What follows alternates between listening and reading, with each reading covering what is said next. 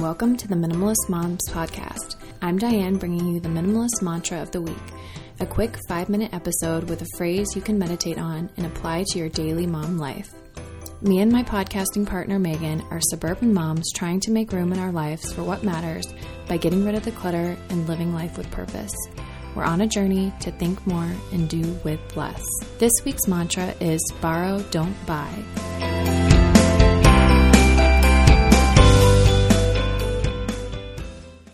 I'm not exactly sure how it happened, but I misplaced our exerciser. You know, that giant toy that your growing baby bounces in? Having somehow misplaced this not so inconspicuous object, I considered buying another. My baby needs it. I may be able to buy another exerciser I prefer to our last one. I pulled up one of those comically overpriced infant stores. I won't name names, but nod if you know. Then I thought, why borrow when I can buy? I sent out a message to friends via Facebook and within minutes had several girlfriends offer me theirs to borrow. Within 24 hours, my baby boy was bouncing away in a borrowed exerciser. No, it may not have been the latest model, but his sweet smile tells me he wasn't too concerned with those minor details. Looking back, it saddens me to think about all the money I once thought was worthwhile to spend.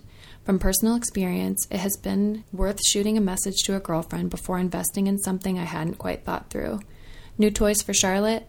Why not check with my neighbor to see if we could swap dolls for a week or so?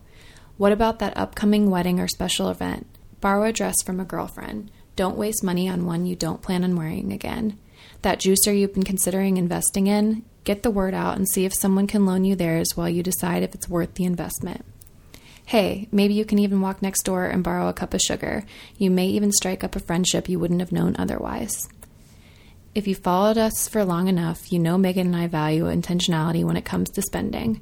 There is a vast difference between want and need.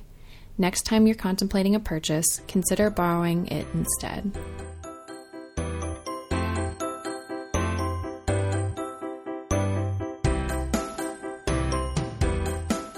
Let us know how you put this week's minimalist mantra into practice on Facebook or Instagram. You can find us at Minimalist Moms Podcast. If this week's mantra was particularly impactful to you or you think a friend would benefit from it, please pass it along. We've included a complete transcript of this podcast on our website, minimalistmomspodcast.com. Or if you'd like to receive our show notes via email, text the word minimalist to 444 999.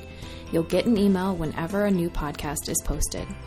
And don't forget to leave us a rating or review on iTunes. We throw a mini dance party every time we see one of those.